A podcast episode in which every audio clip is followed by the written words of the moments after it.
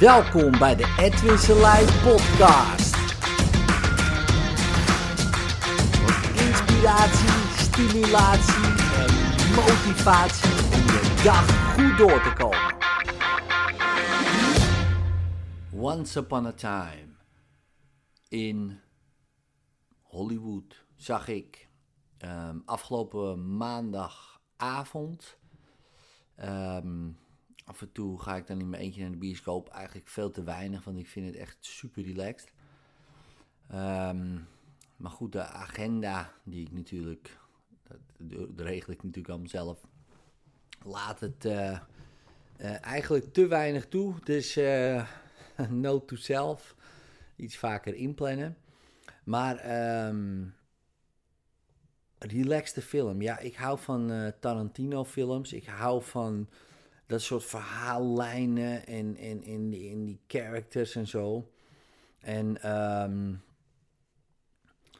al is, eh, ja, als je het gaat vergelijken met die andere films, eh, welke, waar staat hij dan? Ja, dat is natuurlijk allemaal subjectief. Ehm, en dat laat ik aan jou over als je hem al hebt gezien of eh, nog wil gaan zien. Ehm, maar wat ik zo interessant vond aan die film ehm, was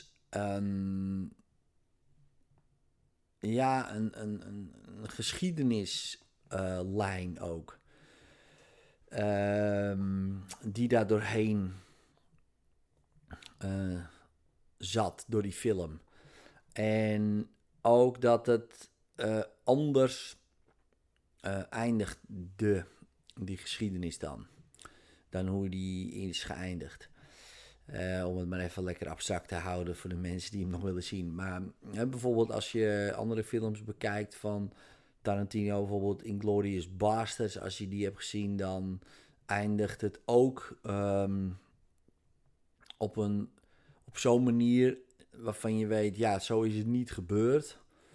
Eh, die geschiedenis. Eh, ja, het klinkt gek wat ik misschien nu zeg of niet, maar het had wel, ja, misschien wel een goede wending geweest. Ehm, in, die, eh, in die film bijvoorbeeld.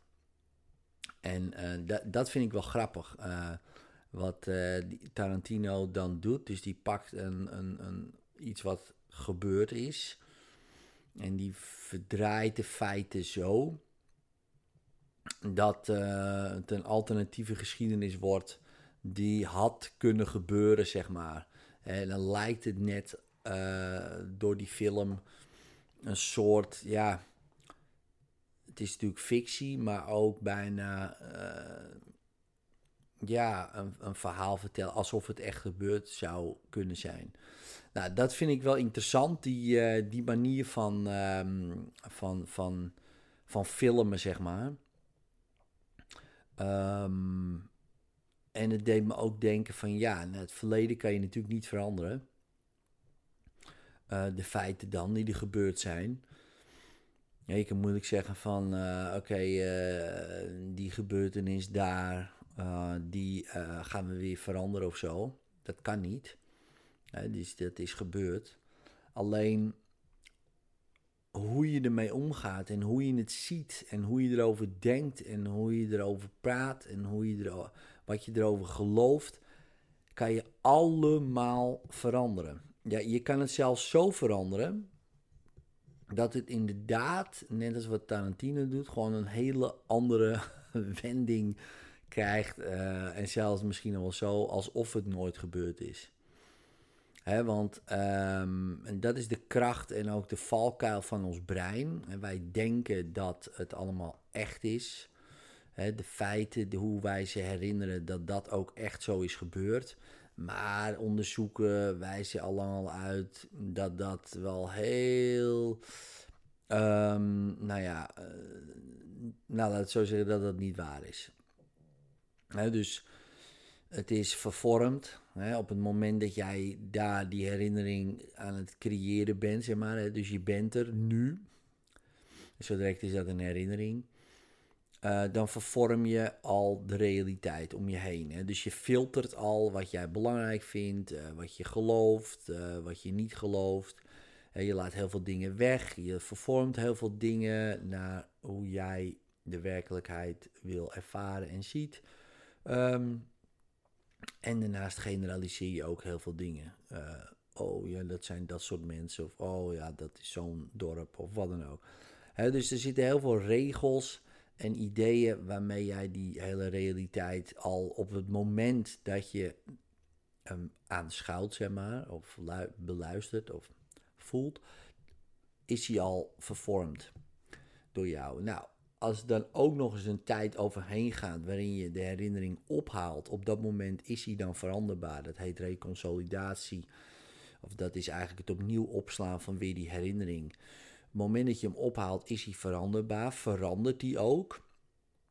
met misschien hoe je je er nu bij voelt en wat er om je heen is op dat moment in de omgeving. En wordt hij weer opnieuw opgeslagen dus hoe vaker je dat hebt gedaan, hoe meer die veranderd is. Hij was al niet helemaal zeg maar, feitelijk opgeslagen. En dan ga je hem ook nog eens in al die keren uh, herhalen en, en ophalen, ook weer veranderen. En dan lijkt het wel echt. En natuurlijk, het voelt echt, het, lijkt echt, het ziet er allemaal echt uit, je beleeft het echt. Uh, maar het is een film. Het is net zo'n film als uh, een Tarantino-film. Um, het is niet heel veel meer dan dat. Dan kan je zeggen, ja, maar het zijn wel echte gebeurtenissen. Uh, ja, dat uh, zou kunnen. Hè. Zelfs dat kan je soms afvragen of het echt gebeurd is. Er zijn mensen die herinneren zich bijvoorbeeld situaties die gewoon nooit gebeurd zijn. En die, zijn die hebben ze zo vaak herhaald dat ze erin zijn gaan geloven en, en het is opeens een echte herinnering geworden. er zijn ook hele casussen van bekend dat, dat er mannen, vaders zijn opgepakt uh, van dochters. Uh, die dochters die kwamen door de behandeling van hele goede psychiaters erachter dat hun vader ze misbruikt had. En die mannen werden allemaal opgepakt, vastgezet. Het bleek achteraf dat uh, eh, 98% van die mannen onschuldig vastzat jarenlang. Maar die herinnering, ook al werden ze vrijgelaten, die dochters geloofden het nog steeds. Want die herinnering was als het ware zo vaak herhaald, opgehaald, bewerkt, verwerkt, gesuggereerd, geïnsinueerd dat er gewoon iets was gecreëerd en dat ehm, was een film geworden. Uh, een film geworden die uh, volgens die uh, meiden gebaseerd was op feiten. Terwijl het niet gebeurd was. Dus het was zo vervormd door insinuaties en leidende vragen dat die film zo gecreëerd werd. En die herinnering. En omdat het een herinnering is, denk jij dat het echt is. Um, nou, dus er zijn heel veel misschien wel mensen, uh, misschien jij ook wel, die gewoon valse herinneringen hebben. Dat klopt gewoon niet. En soms uh, kom je er wel eens achter, hè, dan uh, ontmoet je weer vijf vrienden van je en dan heb je het over, ja, weet je nog, toen, tien jaar geleden of twintig jaar geleden, dat dit. En die ene die zegt, nee, dat, dat, was er gebeurd. En die ander zegt, dat was er gebeurd. En dan denk je, hè, waren we allemaal ergens anders of zo? maar uh, zij hebben die realiteit op een andere manier vervormd. Daarna is er nog een heel um, periode daarna gekomen waarin ze misschien ook wel aan die herinneringen hebben gedacht en die ook weer vervormd. Ze kijken er op het moment van ophalen ook met een andere blik naar, want ze zijn een andere persoon, ze voelen zich anders, ze zijn ouder, weet ik veel, allemaal andere waarden, normen, eh, ideeën, regels. En ook zo kijken ze naar die herinnering uh, en opeens is het anders. Is het waar? Hmm, hmm, hmm. Je zou kunnen zeggen, het is een heel op, waar, uh, op waar gebaseerd, of op feiten gebaseerde, waar gebeurde feiten gebaseerde film. Zo zou je het kunnen zien. Dus het is een beetje losjes gebaseerd op de feiten. Nou, net als Tarantino doet, doe jij dat dus eigenlijk ook. Nou, wat is daar dus dan het voordeel aan? uh, is dat jij dus, want anders had dat niet gekund, uh, dat jij het dus zo kan aanpassen dat jij er bijvoorbeeld goed bij voelt, neutraal bij voelt, eh, oké bij voelt. Je kan het zelfs gebruiken als motivator voor de rest van je leven. Er zijn mensen die hebben hun slechte jeugd zo uh, omgevormd, vervormd, dat ze zeggen, ja, dankzij die jeugd ben ik nu zo gedreven om alles uit mijn leven te halen. Wat natuurlijk een onzin is, uh, maar wel goed werkt. Want ja, het is net zoveel onzin als dat iemand zegt: Ik heb een slechte jeugd en uh, heb ik, uh, moet ik pillen slikken voor de rest van mijn leven in een trauma. Dat is ook onzin. Alleen de ene heeft meer zin, zou je kunnen zeggen, en de andere heeft minder zin. Maar het is allebei onzin. Want het is sowieso al het idee van slechte jeugd, is al een vervorming. Dus kun je zeggen: Ja, de feiten zijn er wel. Hè, hij werd altijd geslagen. Oké. Maar goed, is dat slecht? Dan zeg je, ja, natuurlijk is dat slecht. Maar ja, in andere culturen misschien weer niet. He, dus ook dat is een vervorming. Nou, daar kunnen we over discussiëren, wat, wat slecht is of niet. Als je aan mij vraagt, denk ik, ja, uh, ik zou het niet doen, laat ik het zo zeggen. Ik doe het ook niet bij mijn kinderen. Uh, zeker niet. He, dus ik vind dat gewoon, ja, niet goed. Maar goed, dat is mijn mening. Dat is mijn vervorming. Maar dat wil niet zeggen dat omdat ik dat niet doe, dat mijn jongens misschien achteraf uh, hun jeugd zo kunnen vervormen dat ze kunnen zeggen, nou, uh, dat was ook shit, weet je wel. Dat zou zomaar kunnen. Ja, uh, liever niet natuurlijk, maar het kan. Hè, want zij, zij hebben die kwaliteit, zou je kunnen zeggen, zoals wij allemaal, om van onze jeugd iets tofs te maken. Dat zeggen, nou weet je, dat. Of iets heel, heel naars. je kan het misschien wel als een stapsteen gaan, zo gaan vervormen. Ik zeg, ja, dankzij deze harde jeugd, verschrikkelijke jeugd, ga ik het helemaal anders doen. Ik ga mijn leven echt zo leven op mijn uh, waarden. Uh, ik ga iedereen goed behandelen. Ik word bijna de, de Boeddha van, van Nederland bij spreken. Dan omdat ik zo'n jeugd heb gehad. En dat kan ook.